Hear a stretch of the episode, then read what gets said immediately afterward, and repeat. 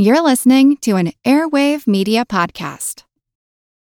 When you need mealtime inspiration, it's worth shopping Kroger, where you'll find over 30,000 mouthwatering choices that excite your inner foodie. And no matter what tasty choice you make, you'll enjoy our everyday low prices, plus extra ways to save, like digital coupons worth over $600 each week. You can also save up to $1 off per gallon at the pump with fuel points. More savings and more inspiring flavors make shopping Kroger worth it every time. Kroger, fresh for everyone. Fuel restrictions apply.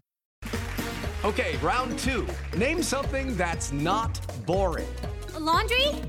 Ooh, a book club. Computer solitaire, huh? Ah, oh, sorry, we were looking for Chumba Casino. That's right. ChumbaCasino.com has over 100 casino style games. Join today and play for free for your chance to redeem some serious prizes. ChumbaCasino.com. No purchase necessary. Full prohibited by law. 18 plus terms and conditions apply. See website for details. This is Kick Ass News. I'm Ben Mathis.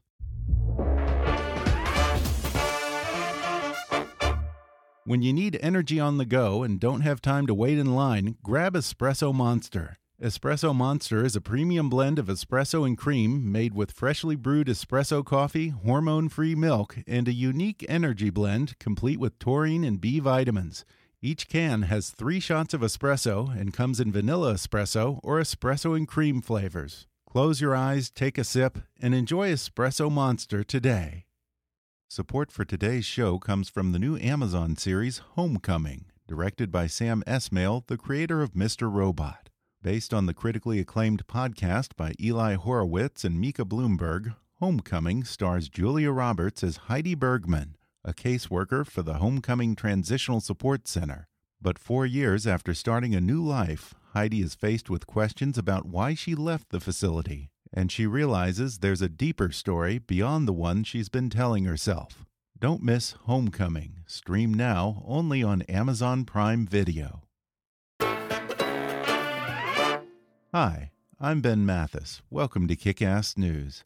General Stanley McChrystal served for 34 years in the U.S. Army, rising from a second lieutenant in the 82nd Airborne Division to a four star general in command of all American and coalition forces in Afghanistan. During those years, he worked with countless leaders and pondered an ancient question What makes a leader great? He came to realize that there's no simple answer because leadership is not what you think it is and never was.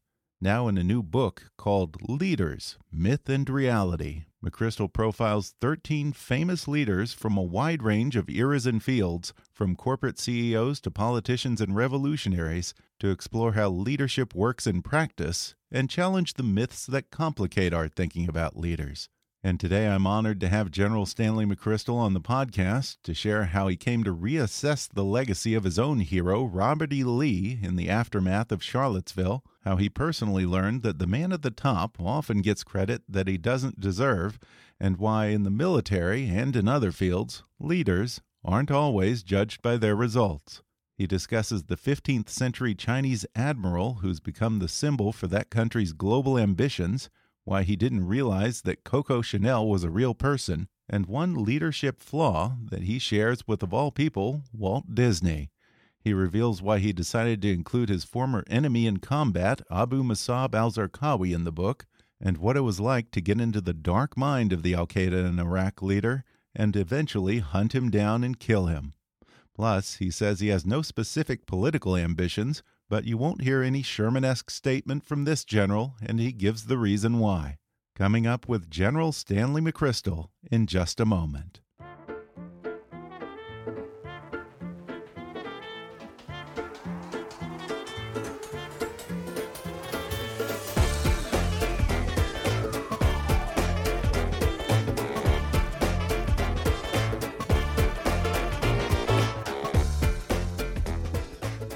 Stanley McChrystal retired from the U.S. Army as a four star general after 34 years in the military and having commanded the Joint Special Operations Command, or JSOC, in Iraq.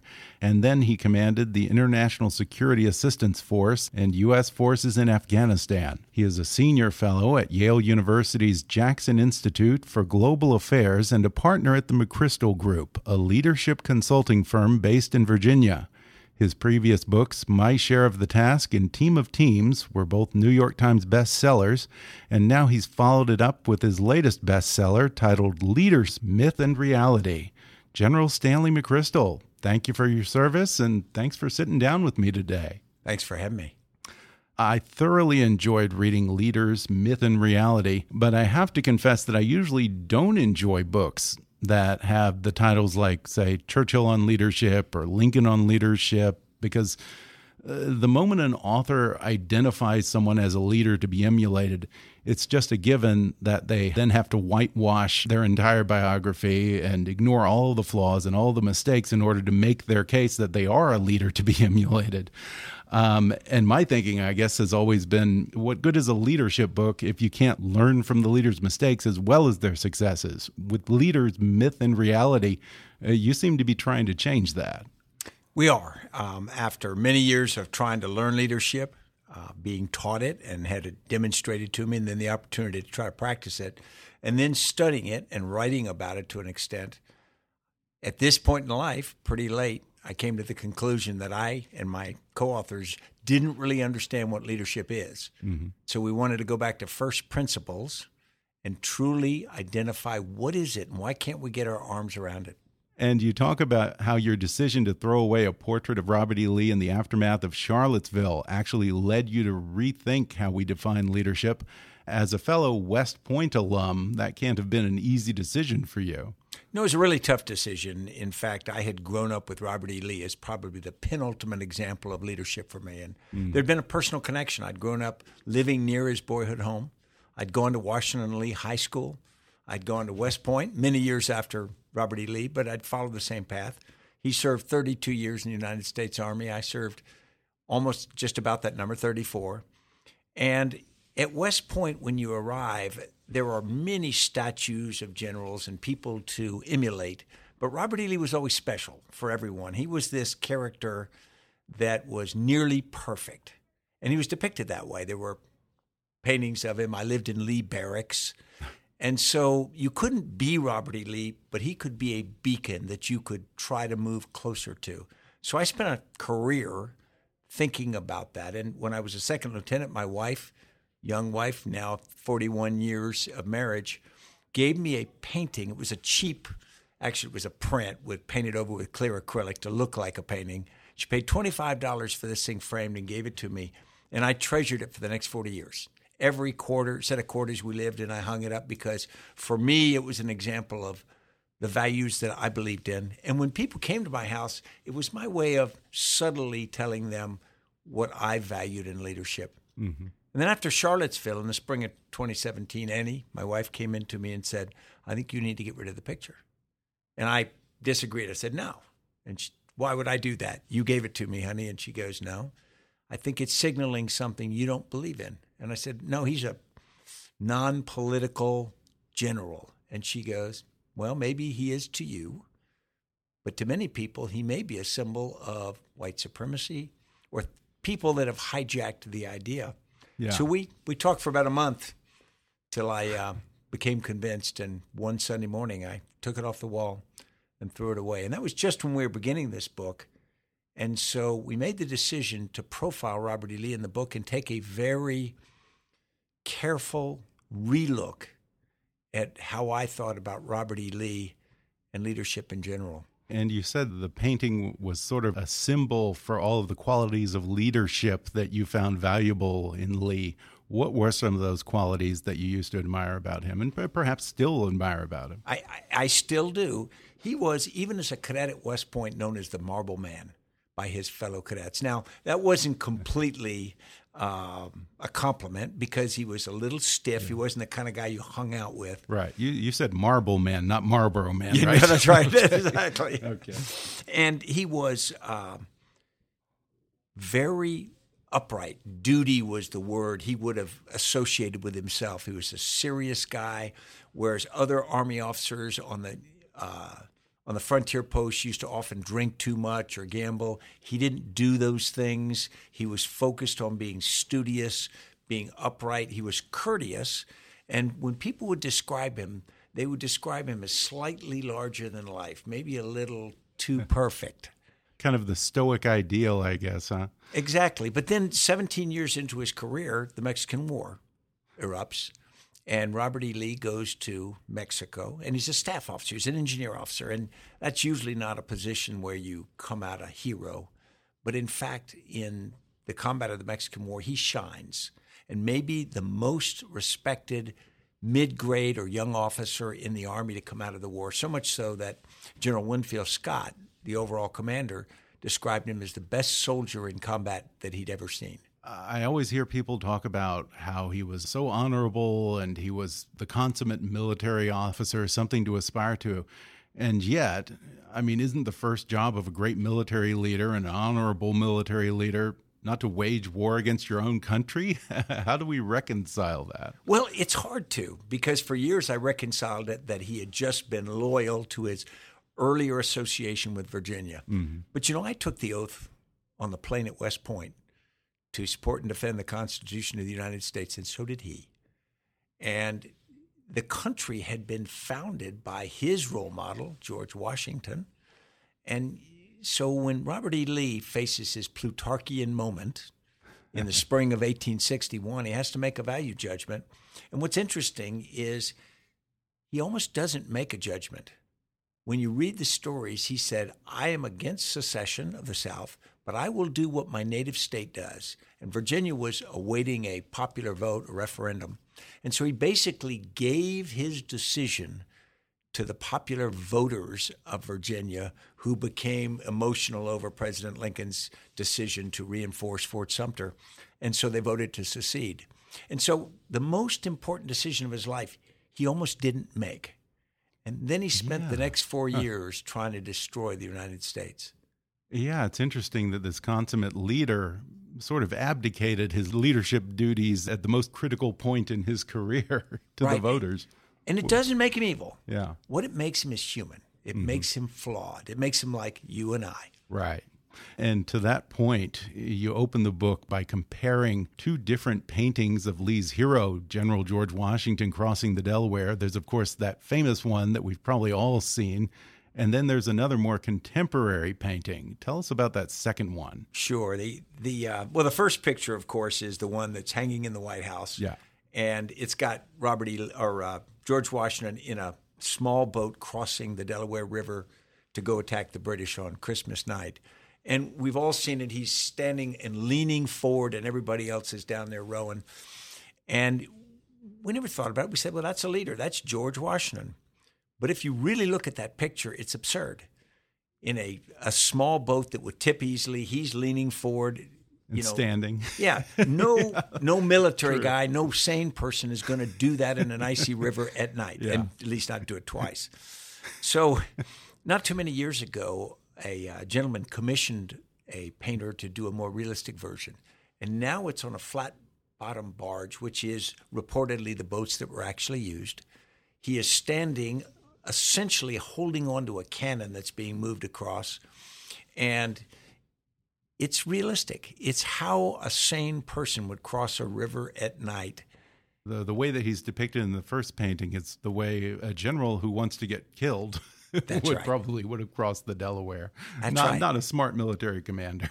that's right. And yet that's how we want to view our leaders. We mm -hmm. want to view them as David beating Goliath. Yeah. We want to believe that they are larger than life, that they yeah. are almost incapable of error. Yeah, and brave to the point of being foolhardy, which is completely unrealistic. that that's right, exactly. And you take apart uh, actually three of what you call the biggest myths about leaders in this book, and I want to deal with each of these one by one.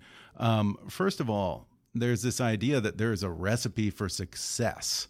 At West Point, I know that you must have spent gosh, countless hours studying history's great military battles and looking for replicable strategies. Is there something wrong with that?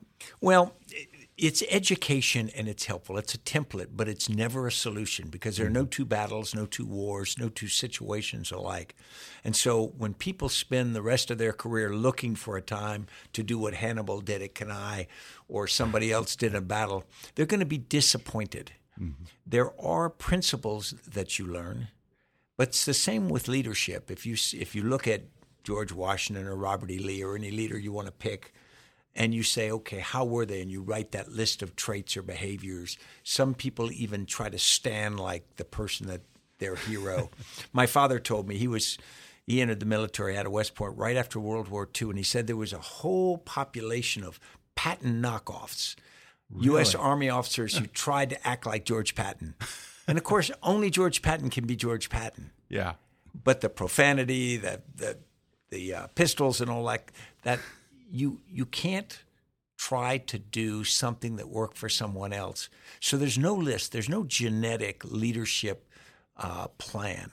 Uh, yeah, and Patton himself was a pretty deeply flawed military hero, and I imagine those people just completely overlooked all of those aspects as well. That's right. If you look at someone like Patton, you see someone who was colorful and profane and aggressive, but if you really decide why he was effective. He was a student of war. He knew the battlefields from World War One of where he fought in World War II.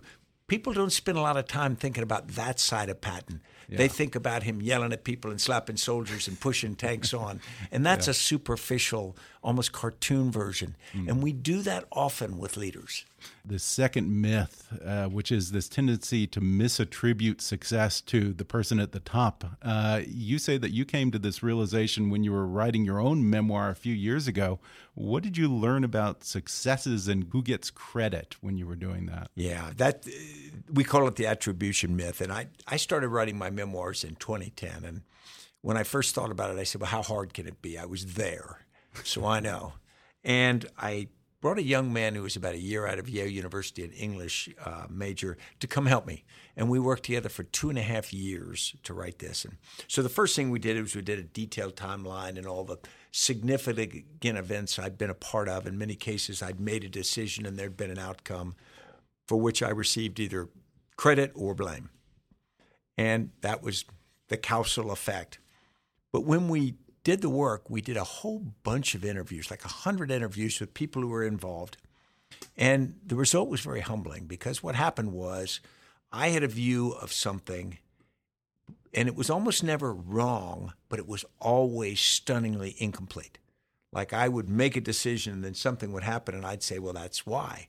But then when we did the interviews, we found so many other people doing so many other things that affected it more than I did, of which I was totally unaware until after the fact when we did the interviews and other contextual factors that suddenly I realized that I was a figure in my memoirs, but I wasn't even the central figure in the story of my life. Every situation was so complex that I was just a piece of it. And that was an eye opener. That was a little humbling, pretty disturbing. sure. Yeah. And if if we really made this public, you know, we pay CEOs and all these incredible amounts of money for the success or failure of the company, when in many cases they're a much smaller factor than people want to attribute. And that that plays out time and again when you study when you study it. And so yeah. understanding that leadership is actually an interaction between leaders, followers, and contextual factors, it's almost it's an emergent property, almost like a chemical reaction. Hmm. And so it's not something that I pull out of my pocket and throw at you. I'm going to throw some leadership at you. Instead, it's this thing that happens, and it's different every time. And so it's never repeatable with exactly the same personality and, and whatnot. And that's the second myth. And then the third myth was results myth. Right. You sort of give lie to this myth that leadership is always merit based and leaders are always chosen based on results. Coming up through the ranks in the military bureaucracy, is this something that you personally witnessed? Probably more than a few times, in fact. Absolutely. Yeah. I mean, you you pick leaders, you elect them, you select them, you support them, all the things we do, and you think you've got this hard edge, very objective eye and make tough decisions. In reality, that doesn't correlate to performance at all. In mm-hmm. fact, we follow serial failures. Leaders fill an emotional requirement for us much more than they do an objective requirement. And so I saw in the military people with certain traits would be promoted and followed and heralded. In fact, they weren't very good soldiers. And other people who were great soldiers and were successful there just didn't generate the same feeling either in subordinates or, or seniors. So, you know, we want to believe that the results part and therefore who we elect or we follow was the right choice. But it's usually much more emotion than reality. Mm-hmm. Yeah, and we see this in politics. People often follow the person who speaks to their heart or gets them angry about something than necessarily the smartest guy or the guy with the, the longest resume. And we will stick with them long after yeah. it's been disproven. Adolf Hitler in yeah. 1944, there was an attempt on his life by German officers and the German population was largely angry at the German officers for trying to kill him. Hmm. And this was 11 years after Hitler took power, and he had already ruined the country. I, it's got to do we emotionally buy a product and then we love it. Well, yeah, and in some respects, to give up on a leader is admitting that you made a mistake and that you were wrong. So we're That's always right. reluctant to do that, I guess. Exactly. Um, I want to talk about how you went about writing this book and the criteria that you were looking for in leaders. Um, in selecting the bios to include in the book, what were you looking for? Well, it's it's funny. When we started, we knew we wanted to do a number of profiles of leaders, but it was a little contradictory because we were going to write a book about leadership that we knew one of the arguments would be we get too focused on individuals, not on right. the wider picture. And so you say, well, then why are you writing about them? Right. One, that's because that's how we've always thought them. So we went back to Plutarch, the original biographer who had done biographies of uh, Roman and Greek leaders. And we used that as a basic model. But the idea was we wouldn't try to compare leaders – in terms of traits or what worked. The real question was why did they emerge as leaders? What about them or what about the times or people around them that actually did it? And pretty early in the process, we came out with a sort of recognition that leadership isn't what we think it is, and it never has been. Hmm.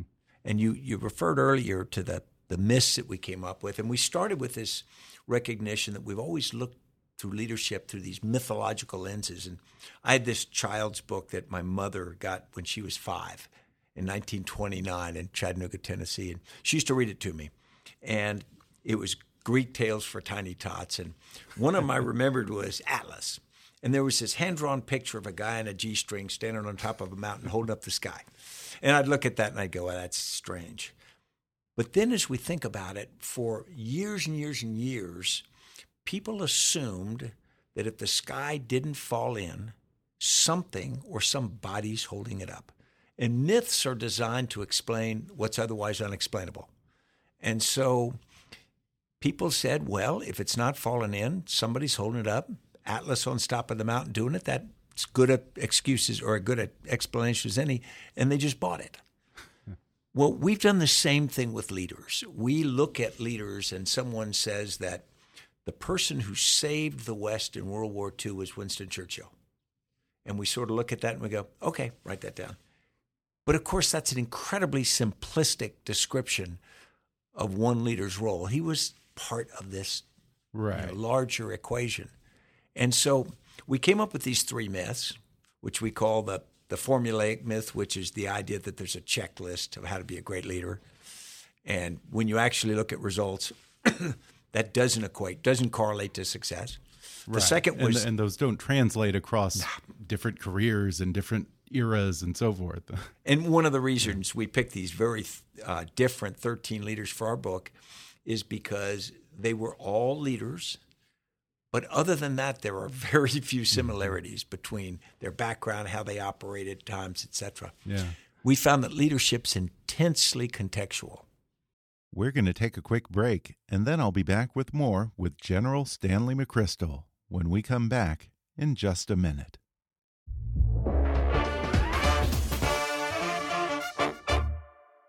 Zeal is an amazing service that offers professional in home massages at your door in an hour.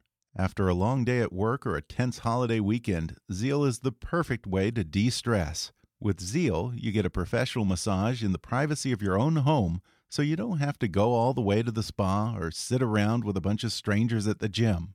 Just open the Zeal app and choose your favorite massage style. You can pick from Swedish, deep tissue, sports, prenatal, or sleep massage. An hour later, a licensed massage therapist shows up at your door. They even bring their own massage table, It's like the spa comes to you. The best part is, tip is included so you don't have to dig around for cash when you're done. Just rinse off in your own shower and get back to your day, or go straight to bed.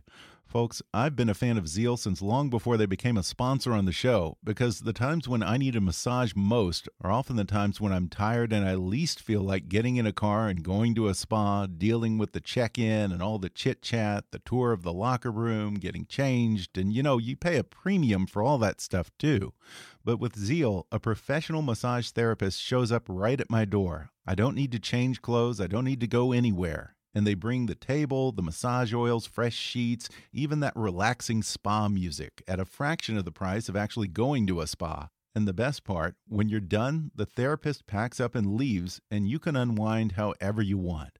Zeal's great if you have back pain like me, or if you just need to decompress after a long day at work, or do like I did and order a relaxing Zeal massage for your spouse. Be good to yourself and give Zeal a try. Download the Zeal app and use the promo code KICK for $25 off your first massage. That's Zeal, Z E E L, and promo code KICK. Zeal, wellness on the way. Thanks to two years of research and development and multiple improvements in design, performance, and comfort, Bombas are the most comfortable socks in the history of feet. With an arch support system that provides extra support where you need it most and a cushioned footbed that's reinforced for comfort without added bulkiness, Bombas feels like a hug around your foot. Not to mention, Bombas Stay Up technology ensures that your socks stay in place without leaving a mark. And the super soft cotton material makes you never want to take them off. So whether you're a runner, power walker, or power lounger, there's a perfect pair of Bombas that'll add comfort to your life. I like to think of myself as a sock connoisseur. I don't even know how many socks I own, but Bombas have quickly become my favorites. They come in all the colors I like, and you can really feel all the comfort engineering that goes into these socks. The other week, I decided to test out how my feet feel at the end of the day walking around in regular socks versus a day in Bombas, and let me tell you, there's no competition.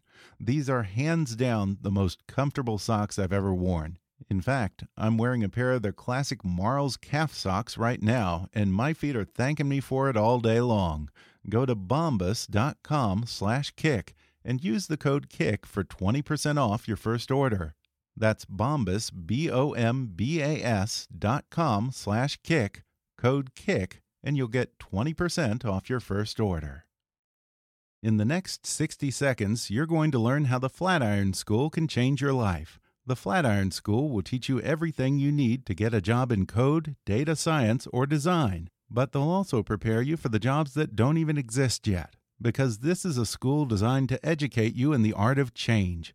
So if you're feeling stuck, bored, or unfulfilled, Flatiron will teach you how to change things. You'll learn by making things, breaking things, and discovering how the future is being built. The results speak for themselves. Go to flatironschool.com slash podcasts to read about graduates' new careers and salary ranges and explore upcoming courses as well as exciting new careers. You can start building your own new career in coding, data science, or digital design at one of Flatiron School's WeWork campuses or take courses online.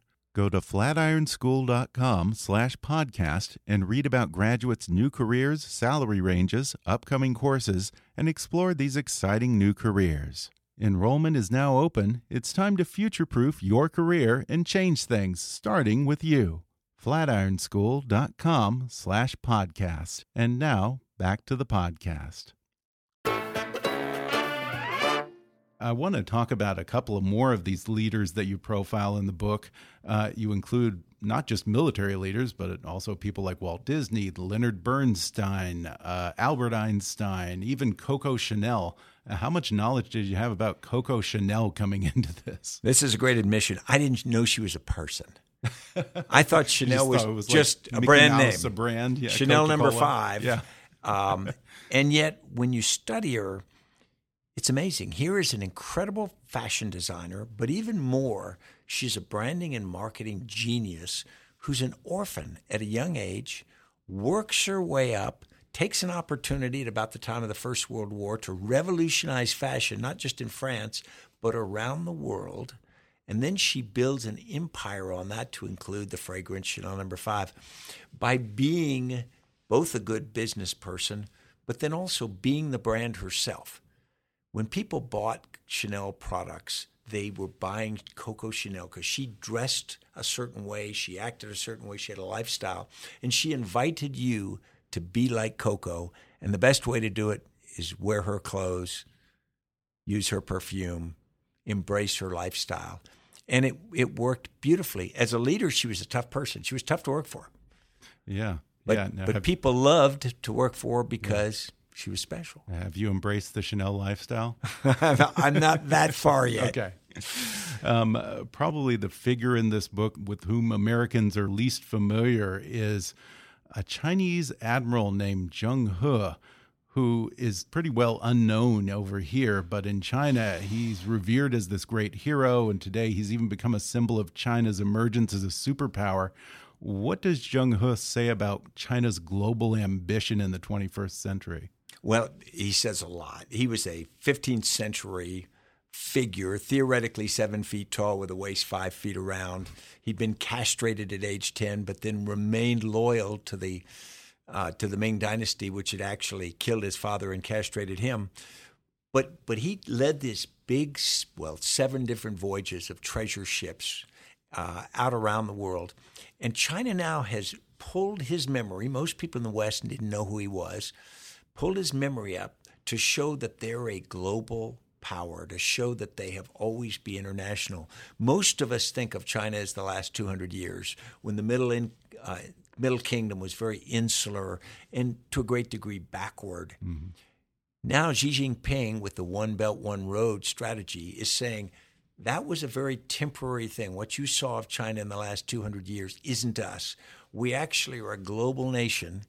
We have always been that way, and here, here's proof. And so, who a nation pulls up and makes their heroes says an awful lot about what that nation wants to communicate. And I know that you're probably more often asked to comment on Iraq or Afghanistan, but is the rise of China and the state of play in the South China Sea something that you give a lot of thought to these days?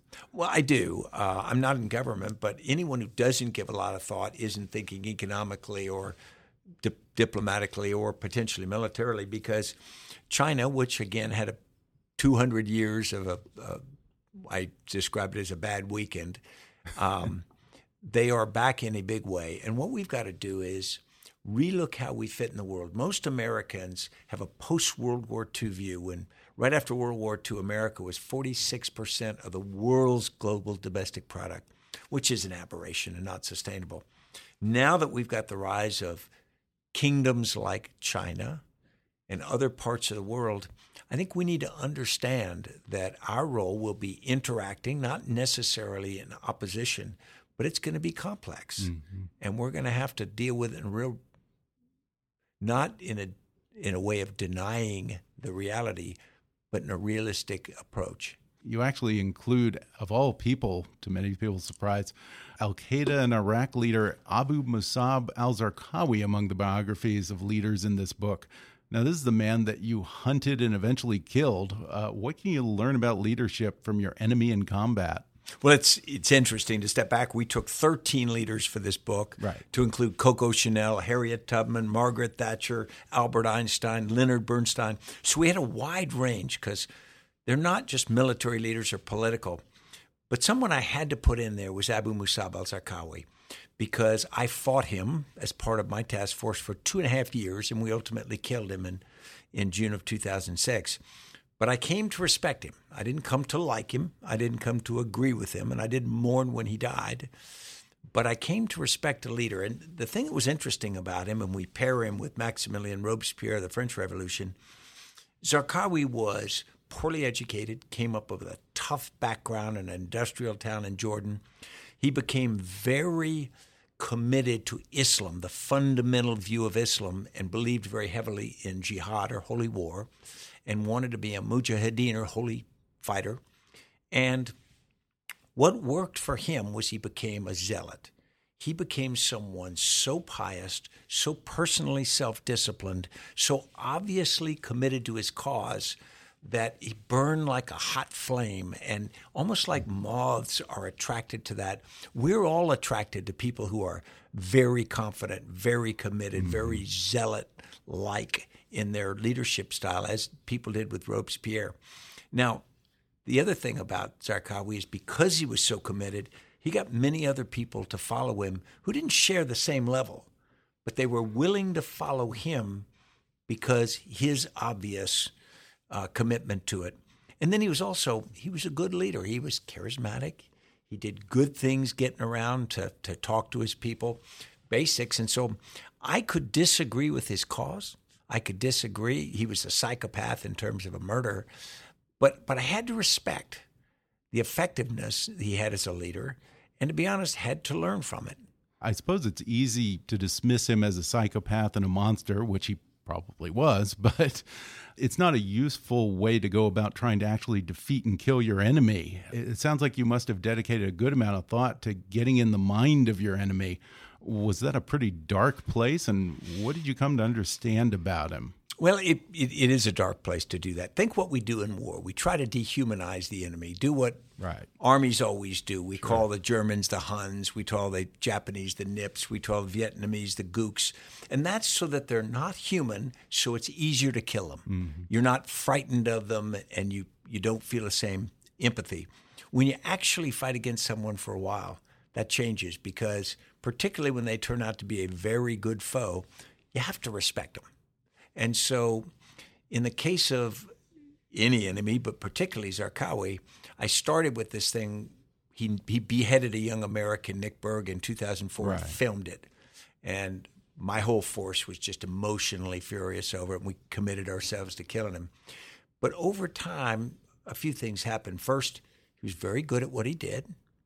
And then the second is you come to the realization that his perspective is his perspective, and he believes it deeply. I may believe my side, I may be committed to it, but what makes me right and him wrong? And what if I'd been born in Zarqa, Jordan, instead of where I was? Would I believe as he did?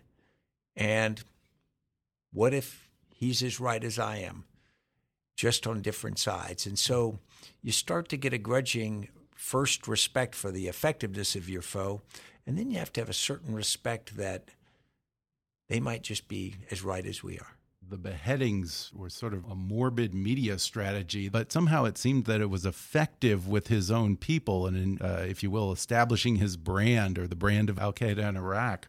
Talk a little about that and how that was sure. perceived within his circle. Sure. It, we think that the beheadings were to, to scare the West, and they do a little bit mm -hmm. of mm-hmm. that. But what they really did is they signaled to his potential followers that he is so committed to the cause that he's willing to do things that he knows are horrific. ISIS made an art form of this. They committed to people that we are after a righteous cause, but our cause is so righteous that we're willing to do evil to achieve it. When we go back to Robespierre and the French Revolution, here's a guy who yeah, believed in the writings. yeah, he believed in yeah. the writings of Rousseau, mm-hmm. but he became committed that you needed to use terror to achieve virtue. Now, there's a contradiction there, but there's sort of a um, an interesting, seductive idea. I'm willing to behead 900 Frenchmen in five weeks in the center of Paris to build a virtuous society. On the surface, it looks laughable. But many French believed that here we are finally committed to making a change. We're committed to doing whatever it takes to get to virtue. And very similar with Zarqawi, it just has a power to it. Mm-hmm. And Robespierre took more of a, a distanced approach to terror. Uh, he kind of delegated that to his subordinates, and in some cases, he probably wasn't even aware of all the people who were beheaded in his name. Al Zarqawi, on the other hand, personally beheaded many people.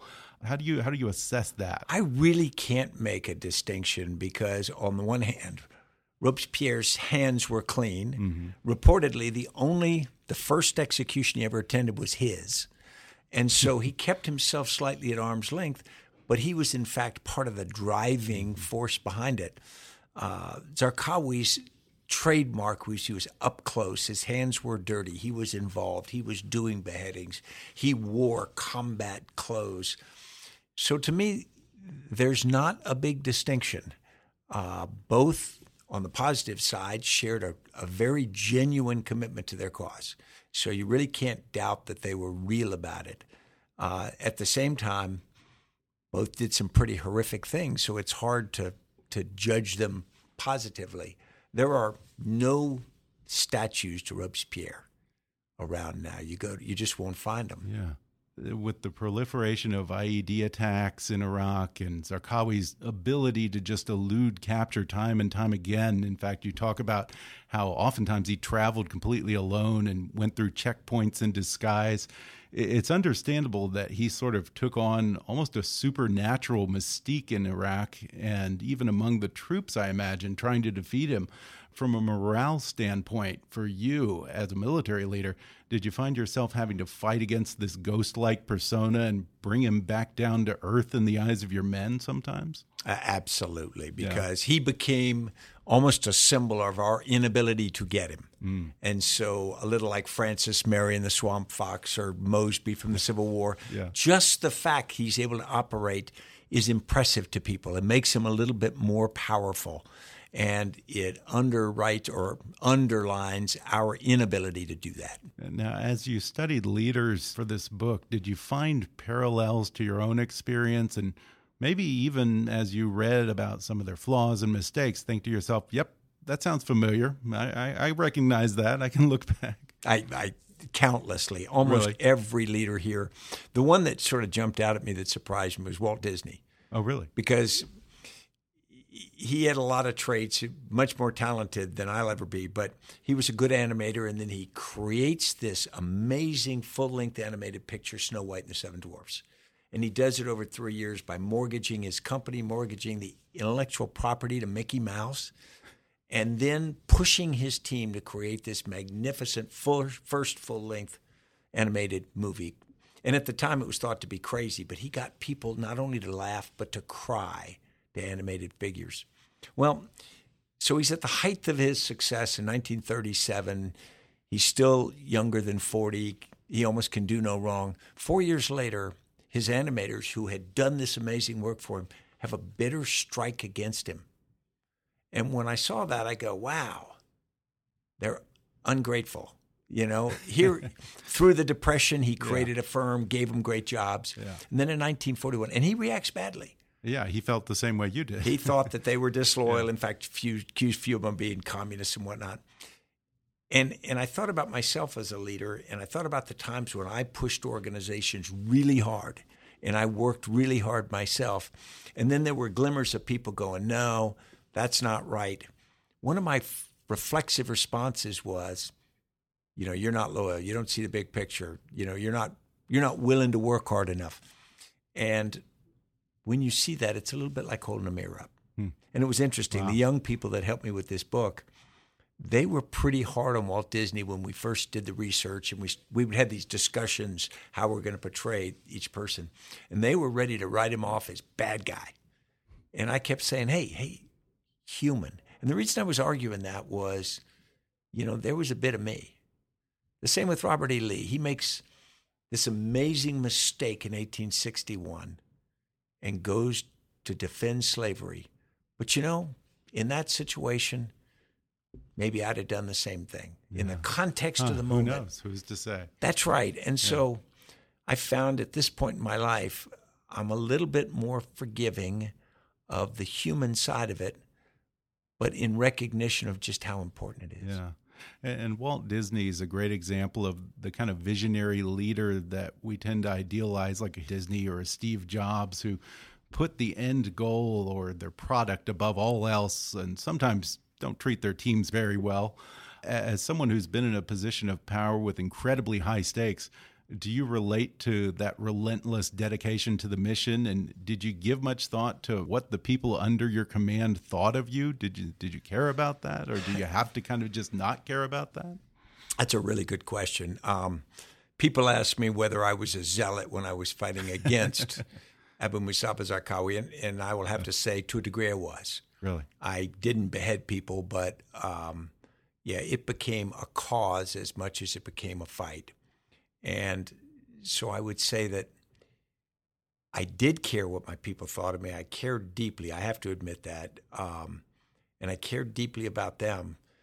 But I was willing to push them really hard. There was a period in 2005 when we had to make a very difficult decision, which risked destroying the force, destroying JSOC. And I, we had conversations about it. Said you're going to put the nation's counterterrorist force at risk and at that point, I felt it was necessary and right. I still feel it was necessary and right. But if I look back, I wonder whether I could have made any other decision, whether I could have stepped back and been analytical and said, no, the risk is too high, or whether I was emotionally committed to the fight at that point where I made that decision and then mm-hmm. rationalized it. Now, when you're commander of JSOC in Iraq, you often went on night missions with your men. Uh, looking back, do you think you would have done that again, or no? You have to do that. You have um, to. You have to do that because you have to find out what they're doing. You have to understand the conditions under it. It was hard, okay. and they have to understand you're willing to share some of the danger, mm -hmm. etc. They know you're not going to do their job, but if you're not willing to do some of that, your credibility. Uh, wouldn't last long. Yeah. And I suppose that's becoming even more important these days because the commander is usually on base. You know, that's right. leading the charge. Go to the days of Robert yeah. E. Lee and division and corps commanders were under fire and so mm -hmm. was mm-hmm. Robert E. Lee. Nowadays you have to make a conscious effort, but I think it's just as important as ever. Yeah.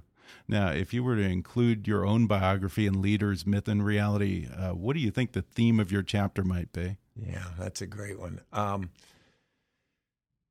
I I think it is that the most interesting part of my personal experience was the transformation in JSOC as we changed an organization, the nature of it. I think that it would have been about somebody who pushed a change really hard, but didn't do the change themselves. I get credit for being this transformational leader.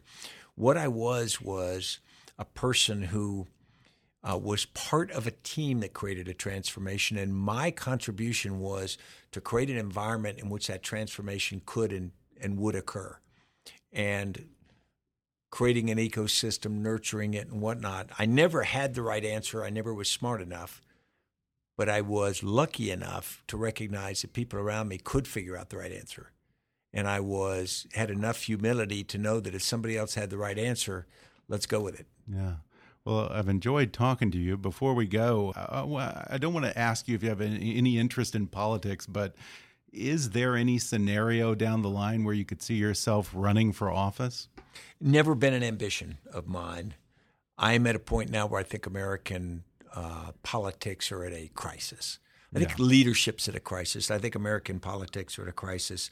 And so I don't want any American to say that they won't be a part of it. I don't want any American to say they won't vote because they don't care, that they wouldn't serve, that they won't run for office, because we're really at an all hands on deck moment. Well, I enjoyed the book. It's called Leaders, Myth and Reality. I highly recommend it to folks. General Stanley McChrystal, it's been an honor. Thanks you're, for talking with me. You're kind to have me. Thank you.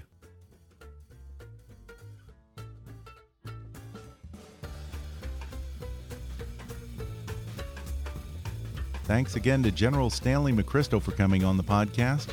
Order his new book, Leaders Myth and Reality, on Amazon, Audible, or wherever books are sold.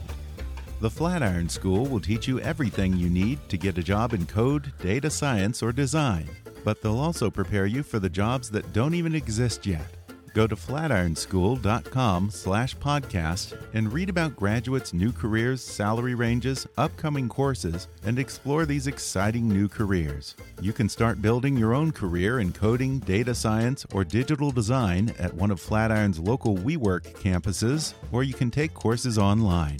Go to flatironschool.com slash podcast, read the reviews, and sign up for a free intro course. Enrollment is open now. If you haven't already, be sure to subscribe to Kickass News on iTunes and leave us a review. You can follow us on Facebook or on Twitter at, at KickassNewsPod. And as always, I welcome your comments, questions, and ideas at comments at kickassnews.com. I'm Ben Mathis, and thanks for listening to Kick Ass News.